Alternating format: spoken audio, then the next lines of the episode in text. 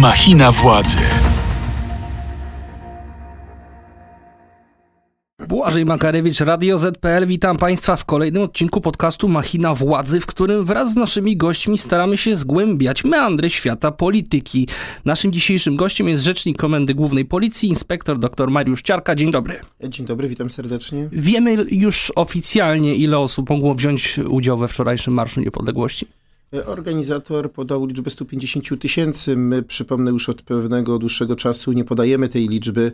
Ja przypomnę chociażby sytuację sprzed kilku lat, kiedy policja decydowała się podawać na prośbę różnego rodzaju redakcji tą liczbę szacunkową, a później pojawiały się wobec nas oskarżenia, że albo zawyżamy, albo zaniżamy tą liczbę w zależności kto nas chciał skrytykować. A nam, nam, nam naprawdę nie zależy na tym, aby zawyżać czy zaniżać, dlatego postanowiliśmy, że nie będziemy podawać tej liczby od nas y, i nie podajemy podają te liczby albo organizatorzy, albo władze miejskie. Organizator wczoraj określił ten marsz na liczbę 150 tysięcy ludzi. Ja mogę powiedzieć, że na pewno był to duży, mm, ogromny marsz, ponieważ chociażby siedząc w sztabie, obserwując ten marsz, no muszę stwierdzić, że od momentu wyjścia aż do momentu jakby zakończenia tego przemarszu na tej dosyć no, krótkiej trasie jak, jak, jak na Warszawę, no to ci ludzie maszerowali około 4 godzin a w porównaniu do poprzednich lat, tak orientacyjnie liczbowo był to marsz e, podobny, wyróżniający się, mniejszy. No, wydaje mi się, że chyba większy. No, no, nie chcę oceniać tutaj, nie dawać wyznacznika. Zeszły, zeszły rok, kiedy te warunki pandemiczne były zupełnie inne i formuła y, też e, tego, tego zgromadzenia była też zupełnie inna. Zresztą miała się odbywać, przypomnę, najpierw w pojazdach, które miały przejechać, ale w porównaniu do tych wcześniejszych lat, no to podobnie albo nawet nieco więcej tych osób było. Wiceszef MSWiA Błażej Poboży mówi, że był to najbezpieczniejszy marsz w historii. Policja odnotowała jakieś incydenty. Ja mogę powiedzieć, że wczoraj zabezpieczaliśmy jako polska policja kilkaset różnego rodzaju uroczystości o charakterze państwowym, kulturalnym, związanym ze świętem niepodległości, a więc jednym z najważniejszych dla każdego Polaka świąt. Świąt, kiedy znowu y, pojawiła się na mapie Polska po okresie zaborów. E, I również w Warszawie tych kilkanaście uroczystości, które oceniamy, że przebiegały bezpiecznie. Nie odnotowaliśmy żadnych poważniejszych zdarzeń zagrażających życiu, zdrowiu, nie odnotowaliśmy zbiorowego zakłócenia porządku, niż niszczenia mienia, czy wandalizmu, czy tych czynów o charakterze chuligańskim.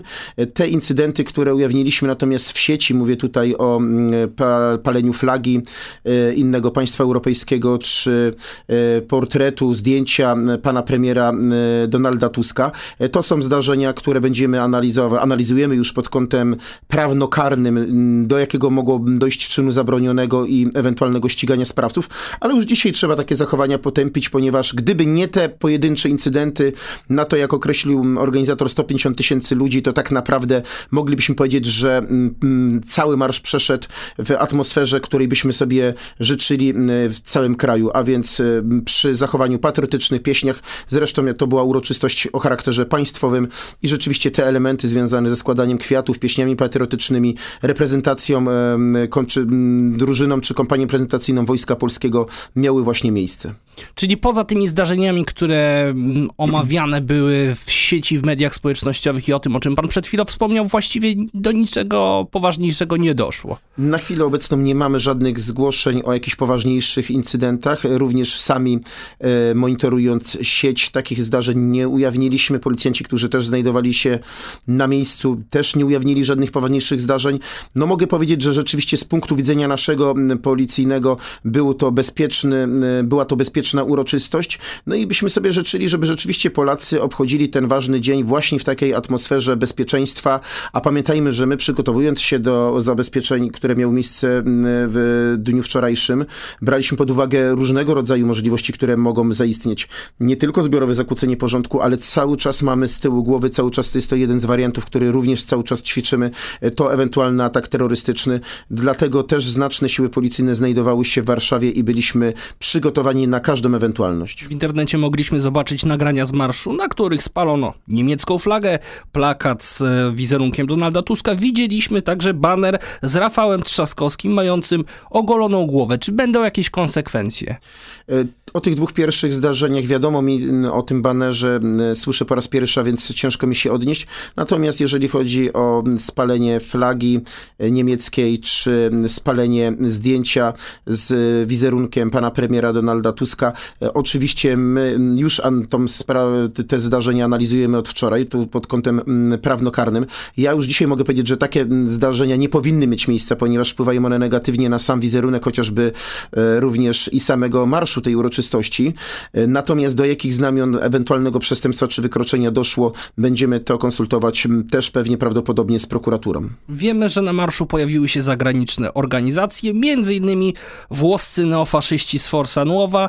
Antifa z Niemiec chyba tym razem nie przyjechała. Na marszu było wielu obcokrajowców. Ja widziałem też zdjęcia osób e, o różnym kolorze skóry, o różnym ubiorze, e, którzy szli z flagami polskimi. Natomiast z takimi osobami nie odnotowaliśmy, przynajmniej na chwilę obecną, nic mi o tym nie wiadomo, żadnych zdarzeń, aby te osoby zachowały się agresywnie, albo w stosunku do nich były e, podejmowane jakieś działania o charakterze chuligańskim. Raczej te osoby mm, przyjechały po to, aby przejść razem z Polakami, świętując ten ważny dla nas dzień incydentów żadnych żadnych z tymi osobami nie odnotowaliśmy. Ale nie wiecie, nie macie żadnych informacji dotyczących innych e, środowisk zagranicznych, które mogły brać udział. Nie mówię o pojedynczych osobach, mówię tutaj o konkretnych podmiotach. No tak jak ta organizacja włoska, o której wspomniałem.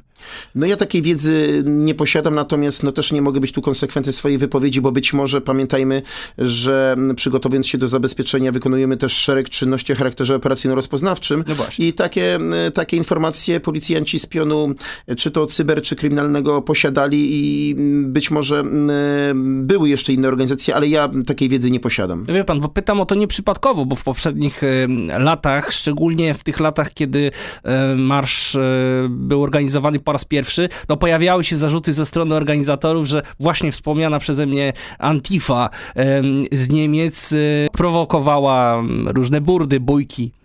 Dla nas bezpieczeństwo można powiedzieć, że jest bezcenne i my skupiamy się na tym, aby to bezpieczeństwo zapewnić, a przede wszystkim jeden z podstawowych, jedno z podstawowych zadań polskiej policji to jest ochrona zdrowia i życia. I jeżeli chodzi czy to o Polaków, czy o obcokrajowców, no nie odnotowaliśmy żadnych poważniejszych zdarzeń, które mogłyby mieć charakter chuligański, czy mieć realne zagrożenie dla zdrowia czy życia.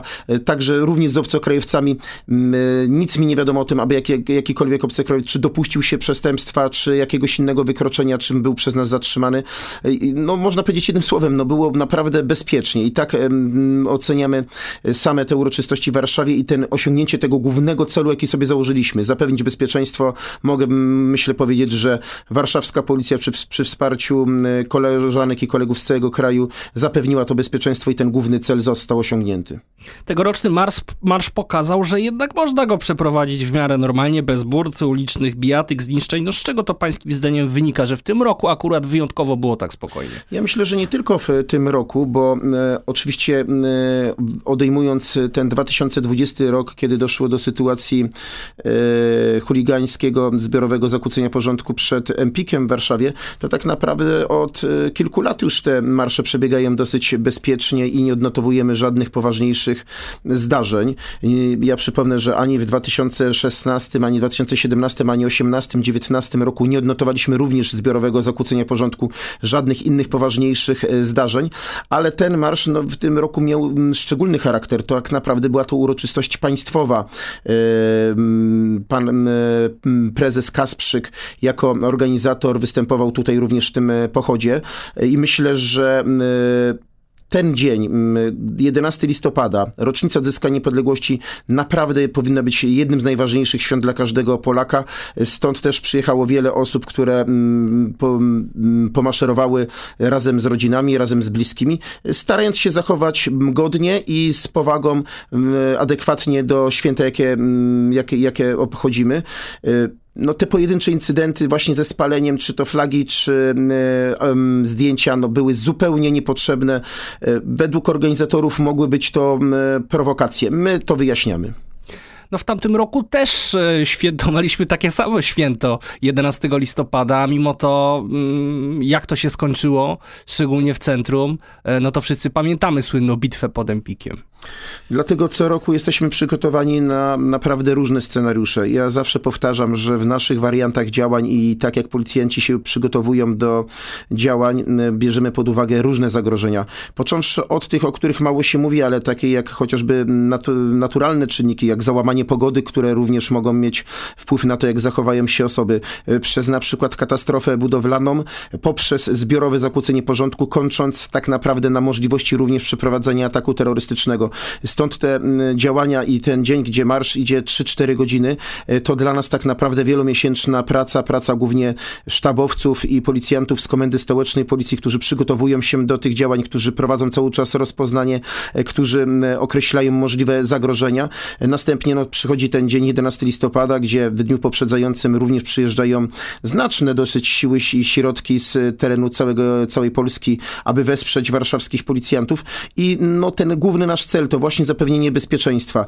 Generalnie w tym roku można powiedzieć, że było bardzo bezpiecznie. W zeszłym roku ten incydent pod Empikiem był rzeczywiście również niepotrzebny i e, tak naprawdę no i to no, trzeba to mieszkania. E, tak, to były te incydenty, gdzie z podpaleniem mieszkania, przypomnę, już zapadł wyrok skazujący. Jak dobrze pamiętam, e, tamten mężczyzna szybko przez nas ustalony i następnie zatrzymany, doprowadzony przed wymiar prokuratora, później sądu został skazany już chyba, jak dobrze kojarzę, prawomocnym wyrokiem i to bezwzględnej odsiadki, a więc nie był to wyrok w zawieszeniu. Jeżeli chodzi o osoby, które dopuściły się zbiorowego zakłócenia porządku przed Empikiem, też ta reakcja policjantów była bardzo zdecydowana. W poprzednich latach organizatorzy marszu oskarżali m.in. policję o rozmaite prowokacje i wzniecanie bujek. Ja myślę, że te oskarżenia są w ogóle bezpodstawne. No, policjanci, jak każdy dobrze widzi, robią i dobrze wykonują swoją robotę. My jesteśmy po to, aby zapewnić bezpieczeństwo. Natomiast no, takie oskarżenia z różnych stron się pojawiały, pewnie będą pojawiać, aczkolwiek wczoraj sami organizatorzy marszu, przypomnę, że tutaj był również pan prezes Kasprzyk, jednym z organizatorów organizatorów no, kilkukrotnie dziękowali policjantom za ciężką służbę, za to, mm, jak zabezpieczaliśmy mm, te uroczystości, e, oceniając, że policja zachowuje się bardzo profesjonalnie i że te bezpieczeństwo zapewniliśmy, co odczuwali wszyscy uczestnicy zgromadzeń. Przed marszem policja opublikowała pewną instrukcję dla dziennikarzy, w której wskazano m.in., że dla bezpieczeństwa najlepiej jest pojawić się w kasku na głowie. To taka profilaktyka z waszej strony, czy mieliście jakieś sygnały o możliwym zagrożeniu? My przecież przed różnego rodzaju większymi wydarzeniami, które można przewidzieć, ostrzegamy bardzo często. Ja tutaj odniosę się chociażby do długich weekendów 1 listopada, gdzie organizujemy konferencje i przypominamy zasady bezpieczeństwa w ruchu drogowym. Jak najczęściej je trzeba przypominać, czy jak zabezpieczyć mieszkanie. Tutaj biorąc pod uwagę chociażby właśnie zeszłoroczny e, marsz, gdzie doszło do sytuacji pod Empikiem, gdzie policjanci używali czy to broni gładkolufowej, e, czy doszło również do niecelowego, przypadkowego postrzelenia fotoreportera e, jednej z gazet. No jesteśmy zobowiązani do tego, aby przypominać i prewencyjnie oddziaływać również, e, jak należy się zachowywać. Te porady są bardzo trafne, zresztą opracowane prze, wspólnie z, ze środowiskiem fotoreporterów i dziennikarzy. To jest e, efekt licznych spotkań z tymi środowiskami, które, z którymi się co jakiś czas cyklicznie spotykamy, którzy artykułują do nas swoje problemy. My z kolei tłumaczymy, jak powinny się te osoby zachowywać, e, bo dochodziło do sytuacji również bardzo niebezpiecznych dla samych dziennikarzy i tutaj częściowo można pochwalić ten profesjonalizm dziennikarzy i fotoreporterów, zwłaszcza tych, którzy właśnie należą do tych swoich branżowych stowarzyszeń, gdzie bezpieczeństwo jest dla nich najważniejsze, ale wielu influencerów, e, takich można powiedzieć wolnych strzelców, zachowuje się naprawdę nieodpowiedzialnie. Ja sam jestem świadkiem, jak osoby e, w ogóle nie baczą na swoje zdrowie, życie, ale także innych osób, podchodzą pod policjantów bardzo blisko, czy pod chuliganów, jeżeli dochodziło do różnego rodzaju zdarzenia, teraz mówię o różnego rodzaju zdarzeniach, po to, aby mieć jak najlepsze ujęcia, jak najlepsze zdjęcia, zupełnie ignorując zasady bezpieczeństwa, a później, kiedy dochodzi do sytuacji dla nich kryzysowych, kiedy zostali czy to przez kogoś uderzeni, czy popchnięci, czy zniszczył się ten sprzęt fotograficzny, no artykułują różnego rodzaju pretensje, że nie zostało im zapewnione bezpieczeństwo, gdzie tymczasem to właśnie te osoby były pozbawione jakiejkolwiek wyobraźni i zachowały się niebezpiecznie, a więc te porady między innymi, aby być właściwie oznakowanym, aby posiadać kamzelkę, aby w momencie, kiedy dochodzi do zbiorowego zakłócenia porządku, usunąć się gdzieś z boku, robić te zdjęcia, aby nie wchodzić w środek działań policyjnych, nie podchodzić pod policyjnych, pod policjantów, którzy mogą w każdej chwili czy użyć broni, czy innych środków przymusu bezpośredniego, są jak najbardziej trafne i powinny być stosowane przez e, fotoreporterów i dziennikarzy nie tylko 11 listopada, ale tak naprawdę przez cały okrągły rok. Wczoraj odbyła się w Warszawie także inna demonstracja środowisk lewicowych, antyfaszystowskich. Tam doszło do jakichś incydentów, czy też było bezpiecznie? To zgromadzenie przebiegło również mm, bardzo bezpiecznie. Zapewniliśmy tam mm, bezpieczeństwo uczestnikom tego zgromadzenia. Oni przemaszerowali ulicami Warszawy w asyście policjantów, gdzie były obok nich również radiowozy policyjne. Nie odnotowaliśmy żadnego incydentu, tak naprawdę przynajmniej mi na tą chwilę nic nie jest o tym wiadomo. No ich zgromadzenie zostało zakończone można powiedzieć, że ten cel zarówno organizatorów, którzy chcieli wyrazić swoje poglądy, jak i również nasz cel policyjny, aby było bezpiecznie, zostały osiągnięte wspólnie. A czy we Wrocławiu wydarzyło się coś niebezpiecznego, bo tam marsz został rozwiązany? Słuchasz podcastu Radia Z. W całym kraju było kilkaset uroczystości. Ja nie mam informacji, aby w jakiejkolwiek miejscowości w Polsce doszło wczoraj do bezpośredniego zagrożenia zdrowia czy życia w związku z uroczystościami, jakie były e, prowadzone. Jeżeli chodzi o tą sytuację z mm, Wrocławia, jej szczegółowo nie znam, natomiast nie posiadam informacji, aby tam doszło też do jakichś czynów chuligańskich e, czy mm, zbiorowego zakłócenia porządku. A słyszał pan o tym, co się wydarzyło w Kaliszu? Tam demonstranci spalili innymi tak zwany statut kaliski, wznosili antysemickie hasła jak śmierć Żydom, tu jest Polska, a nie Polin. Y, o tym zdarzeniu nie słyszałem, a więc ciężko mi się jest odnieść, teraz się o tym dowiedziałem. Natomiast biorąc pod uwagę różnego rodzaju zagrożenia, również te płynące ze środowisk, można powiedzieć, zewnętrznych, zauważyliśmy również, y, że od pewnego czasu próbuje się wywołać takie nastroje antyżydowskie, antyukraińskie, antyrosyjskie, y, po to, aby właśnie dochodziło do takich różnego rodzaju zdarzeń, które mogłyby rzutować na wizerunek Polski.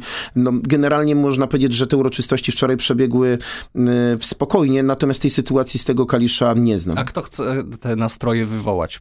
No tutaj przede wszystkim też e, chociażby podejrzenia padają w kierunku reżimu Łukaszenki i tych i powiązanych z nim środowisk. Ja tutaj przypomnę chociażby no, artykułowanym chociażby pomazaniu pomnika w Krakowie, czy różnego rodzaju wpisach, które mogą świadczyć o tym, że to nie są wpisy pochodzące od osób polskojęzycznych, czy będących obywatelami Polski, ale które mają podsycać takie nastroje, e, no co oczywiście musi być przez nas potępiane i nie może mieć miejsca. Po marszu w Warszawie kilkuset policjantów miało wyjechać na granicę polsko-białoruską. Jak wygląda w tym momencie zaangażowanie policji na tym obszarze? Tak, to dla nas wczoraj bardzo pracowity dzień. Policjanci, którzy przyjechali tutaj wesprzeć kolegów z Warszawy, pełnili służbę na terenie Warszawy, a bezpośrednio po mm, zgromadzeniach, po tych uroczystościach, które jeszcze raz chcę podkreślić, przebiegły bezpiecznie na szczęście i policjanci nie musieli być angażowani w sposób bardziej intensywny, e, wsiedli do radiowozów i pojechali na granicę. To 800 policjantów, w tym 100 z Centralnego Pododdziału Kontrterrorystycznego Policji. Oni będą tam na miejscu, na linii granicy wspierać swoje koleżanki i kolegów, a sytuacja tam jest rzeczywiście bardzo, bardzo trudna. Reżim Łukaszenki cały czas prowokuje różnego rodzaju sytuacje, cały czas trzyma tam e, napięcie. To są sytuacje chociażby związane z rzucaniem w kierunku policjantów kamieni, belek, e, nagłe przemieszczanie pod rygorem służb tych białoruskich imigrantów, a tych ludzi mających świadczyć o tym, że może dojść do kolejnego zbiorowego zakłócenia porządku. E, my jesteśmy jesteśmy tam świadkami naprawdę mm, dziwnych scen inspirowanych przez reżim Łukaszenki. To są sytuacje takie jak chociażby donoszenie wieczorem e, wódki e, dla tych ludzi, aby spożywali oni alkohol, aby po tym alkoholu byli jeszcze bardziej agresywni, inspirowani przez będących tam cały czas funkcjonariuszy tego reżimu. E, to jest charakterystyczne mm, um, umiejscowienie tego obozu, jakby można było go nazwać, w sposób taki, aby wywierać jak największą presję na stronę polską, a więc bezpośrednio przy płocie umieszczać umieszczone są dzieci, tuż za nimi kobiety, których jest tam tak naprawdę mniej, a ci mężczyźni, młodzi mężczyźni dopiero z tyłu zajmują liczne namioty i szałasy, które zostały prowizorycznie zrobione, a więc to wszystko jest tak wyreżyserowane, ten scenariusz jest tak pisany przez reżim Łukaszenki, aby wywierać również i na samych policjantach i funkcjonariuszach Straży Granicznej dużą presję psychiczną. I uważa pan, że te kamienie, które lecą w stronę naszych służb, e, to jest inspiracja e, służb białoruskich? To... Całość, co dzieje się na granicy, to jest inspiracja służb białoruskich. To nie ulega żadnej wątpliwości. Chyba już każdy to powinien zrozumieć, jeżeli jeszcze ktoś tego mm, nie, nie, nie, nie pojął. To są sytuacje takie, gdzie jesteśmy świadkami, jak na przykład siłą nagle kilkudziesięciu, a, a czasami zdarza się i że i więcej e, tych ludzi jest zmuszanych do tego, aby biegać wzdłuż ogrodzenia, e, w ten sposób sprawdzając, jaka będzie nasza reakcja. E, to są osoby, które pod kolbami karabinów tak naprawdę są przemieszczane właśnie pod linię ogrodzenia, pod linię graniczną. To są osoby, które tak naprawdę bez zgody tych funkcjonariuszy białoruskich, którzy się tam znajdują, nie mogą nic zrobić samodzielnie.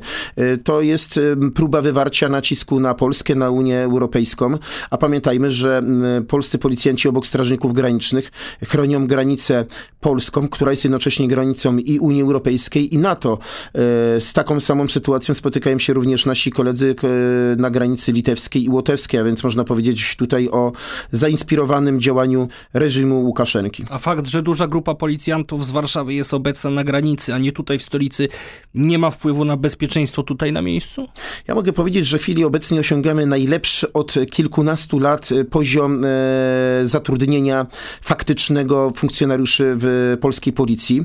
Jak dobrze pójdzie, nie chcę tutaj zapeszyć, bo jeszcze mamy i w listopadzie, i w grudniu e, przyjęcia do służby w policji. Być może w e, po, początek 2022 roku rozpoczniemy liczbą ponad 100 tysięcy policjantów. Tak dobrej sytuacji nie było od kilkunastu lat. Natomiast pamiętajmy, że na granicy pełnią służbę głównie policjanci z oddziałów prewencji. To są e, oddziały, które są jednocześnie odwodami komendanta głównego policji, a więc na co dzień to nie są ci policjanci z jednostek terenowych, a więc komend powiatowych, w przypadku Warszawy komend rejonowych, którzy pełnią służbę, ale przewidziani są oni do zabezpieczenia właśnie różnego rodzaju uroczystości, meczy, zgromadzeń. Jeżeli się nic nie dzieje, jeżeli nie ma w międzyczasie zgromadzeń, oni oczywiście wspierają służbę patrolową, inter, interpatrolową i interwencyjną na terenie różnych miast. W przypadku Warszawy to nie tylko Warszawa, ale cały garnizon warszawski, w przypadku innych województw całe garnizony, ale z założenia są to właśnie policjanci przygotowani do tego, aby w sytuacjach takich, jak, jaką teraz mamy chociażby na granicy, działać, wspierać, bo no, chyba nie ma takiej drugiej mobilnej służby jak policja, w stanie się bardzo szybko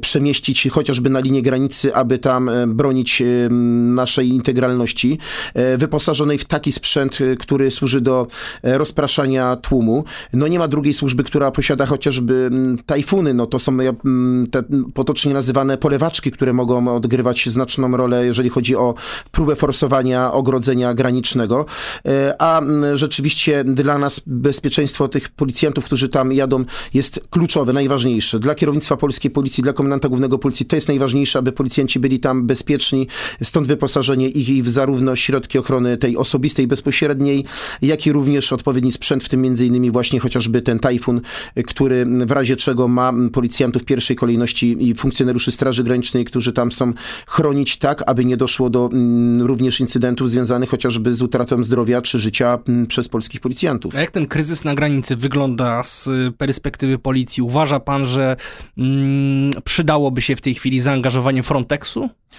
E, Mm, pamiętajmy, że my wspieramy również inne mniejsze kraje, chociażby w Litwie przybywa obecnie ponad 50 policjantów, e, a Frontex, w, mam wrażenie, że w wielu opiniach wydaje się, że to jest jakaś służba, która posiada specjalne brygady, które jadą na granicę, a nic bardziej mylnego. Frontex swoją gotowość taką do działań bezpośrednio na granicy osiągnie według zapowiedzi za 6 lat. A proszę sobie wyobrazić, ja przypomnę, że póki co to my, jako Polska szkolimy Frontex. E, to właśnie Polska Straż Graniczna Nie policji, ale tutaj mm, no, powiem w imieniu Straży Granicznej, e, również zaprzyjaźnionej służby, że to właśnie Straż Graniczna szkoli Frontex. To my jesteśmy obrani jako ta służba w całej Unii Europejskiej, czy w tym strukturach Frontexu jako najlepiej działająca, e, gdzie między innymi właśnie została wyznaczona Polska Straż Graniczna do szkolenia Frontexu. Na chwilę obecną jest to struktura urzędnicza, która nie posiada e, funkcjonariuszy, których można skierować na granicę.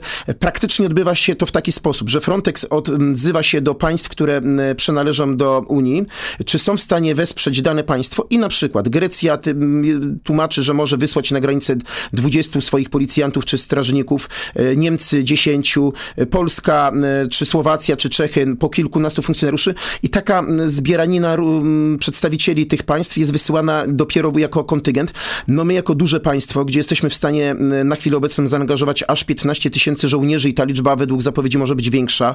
Siły Straży Granicznej, które, gdzie mogą być również funkcjonariusze Straży Granicznej przemieszczani z innych oddziałów z granicy chociażby zachodniej, a także znaczne siły policyjne, no nie potrzebuje na chwilę obecną takiego bezpośredniego fizycznego wsparcia, ale my cały czas korzystamy z pomocy Frontexu. To jest ta pomoc związana z analizą sytuacji, to jest pomoc przy deportowaniu osób, które nielegalnie wkroczyły na teren Unii Europejskiej, gdzie Frontex nas w tym zakresie wspiera, aby te osoby zawracać do ich e, krajów e, macierzystych, e, czy Frontex nas wspiera w zbieraniu informacji, między innymi przy wykorzystaniu systemów satelitarnych, a więc my cały czas na bieżąco współpracujemy z Frontexem, zresztą którego główna siedziba znajduje się właśnie tu w Warszawie, a więc nie mamy daleko. Cały czas ta współpraca i to bardzo intensywna jest. A pańskim zdaniem ten fakt, że na obszar graniczny w dalszym ciągu nie są wpuszczani polscy i też wszyscy inni dziennikarze, to służy bezpieczeństwu w tej sprawie, czy nie?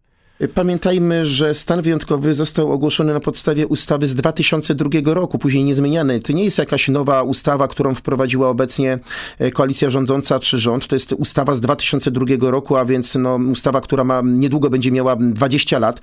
I to w tej ustawie określono między innymi ograniczenie w zakresie dostępu do informacji publicznej i w zakresie wstępu na teren e, e, obszaru objętego stanem wyjątkowym dziennikarza. Więc to nie jest coś wymyślonego teraz, ale te zapisy są, znajdują się tam od 2002 roku i ktoś, kto projektował tą ustawę, która została następnie uchwalona przez ówczesny parlament i podpisana e, przez ówczesnego prezydenta, no, ocen, dokonywał oceny, e, opierając się na przede wszystkim na tym, aby jak najbardziej ułatwić wtedy prowadzenie działań przez służby polskie i w mojej ocenie rzeczywiście ma to realny wpływ. Jeżeli mielibyśmy do czynienia z naprawdę prawdziwymi dziennikarzami, bardzo odpowiedzialnymi, którzy mają na względzie zarówno zbieranie informacji, ale także połączone z e, bezpieczeństwem przede wszystkim ze zdrowym rozsądkiem, e, przebiegałoby to dobrze. Natomiast mm, proszę przypomnieć sobie te sceny sprzed wprowadzenia stanu wyjątkowego, kiedy część dziennikarzy, w mojej ocenie mogę ich nazwać nieodpowiedzialnymi, e, usuwała chociażby ogrodzenie graniczne. Przecież mieliśmy takie obrazki, gdzie razem z działaczami części dziennikarzy niektórych dużych gazet przywiązywała płoty, liny do płotu granicznego, próbowała te, ten płot usunąć, a następnie powstawał artykuł, gdzie właśnie ta osoba występowała, która usuwała ten płot, występował jako autor takich e, tekstów, a więc no naprawdę my skupmy się na ochronie granic, a nie na ochronie nieodpowiedzialnych ludzi, którzy zachowują się tam no, w sposób nieracjonalny, niebezpieczny dla bezpieczeństwa Polski, e, ale przede wszystkim no, nieetyczny, czy nie przestrzegając też tych zasad prawa prasowego. No, skupmy się na ochronie granicy, na zatrzymaniu tej fali e, imigrantów, która jest inspirowana przez reżim Łukaszenki, a nie na jeszcze dodatkowym e, pilnowaniu nieodpowiedzialnych ludzi, którzy pojawiali się wówczas na granicy, bo przypomnę, że wielu, o, wiele osób, społeczników, y, którzy niszczyli płoty graniczne, którzy prowokowali różnego rodzaju dziwne zachowania, również legitymowali się legitymacjami dziennikarskimi różnego rodzaju mediów. Otrzymujemy informację, że nadal dochodzi do prób forsowania zabezpieczenia na granicy, że kolejne grupy migrantów zmierzają w stronę Polski. Tak, to są praktycznie codzienne incydenty, chociażby z dzisiejszej nocy, gdzie e, na, w jedno miejsce e, siłowo e, funkcjonariusze białoruscy zaprowadzili około 100, 100 osób, które były bardzo blisko płotu granicznego, a więc Mogło to sugerować, że te osoby będą próbowały siłowo przekroczyć linię granicy. Na szczęście no, te osoby zachowały się na widok naszych funkcjonariuszy Straży Granicznej, Policji i Wojska dosyć spokojnie, ale też próba sforsowania granicy przez około 35-40 osób, gdzie wprost na te ogrodzenie graniczne zostali wepchnięci wręcz przez funkcjonariuszy reżimu białoruskiego. Takich sytuacji i prowokacji my odnotowujemy codziennie po kilka, e, a więc cały czas rzeczywiście ta czujność na najwyższym poziomie przez e, polskie służby musi być tam e, zachowana. No nie mówiąc już o tym, że cały czas tuż za e, tą linią ludzi, którzy zostali zepchnięci tuż pod polską granicę przez reżim białoruski, znajdują się uzbrojeni po zęby funkcjonariusze służb białoruskich, których zachowania również bardzo często są nieprzewidywalne. Portal Nexta publikuje nagrania z granicy, na których widać m.in. jak białoruskie służby wynoszą na noszach jedną osobę. Słychać także dźwięk oddawanych strzałów. Wiecie Państwo coś na ten temat? To się dzieje po stronie białoruskiej, więc ciężko mi się do tego odnieść, ale to są właśnie te nieracjonalne, nieprzewidywalne zachowania, o których e, wspomniałem przed chwilą, gdzie e, funkcjonariusze tych służb reżimu białoruskiego e, potrafią celować kolbami i w kierunku tych ludzi, których tam zepchnęli pod linię granicy, ale także i w kierunku naszych funkcjonariuszy, naszych żołnierzy, oddając jak do tej pory też strzały na, na sucho, a więc bez tego przeładowanego naboju, ale też i oddając strzały w powietrze, aby zastraszyć tych ludzi, którzy się tam znajdują, a także naszych e, funkcjonariuszy, m, to e, powstające wzdłuż linii granicy m, dziwne e, m, różnego rodzaju budowle wojskowe, które powstają tam, a więc te zachowania są naprawdę bardzo nieprzewidywalne ze strony reżimu białoruskiego. Oczywiście poparte propagandą w swoim, swoim kraju na terenie Białorusi. Ja nawet muszę powiedzieć, że nasze analizy wskazują, że reżim Łukaszenki, aby tą propagandę prowadzić, mającą na celu nastawienie obywateli przeciwko Polsce, bardzo często wykorzystują właśnie artykuły, które powstają w polskich mediach, e, praktycznie tylko ma, poświęcając ten czas na przetłumaczenie. Dobrze, to ja bardzo dziękuję za naszą dzisiejszą rozmowę. Gościem podcastu Machina Władzy w Radio ZPL był rzecznik Komendy Głównej Policji, inspektor Mariusz Ciarka. Do usłyszenia za tydzień. Dziękuję bardzo i pozdrawiam wszystkich słuchaczy. Dziękujemy. Machina władzy. Więcej podcastów na player radioz.pl.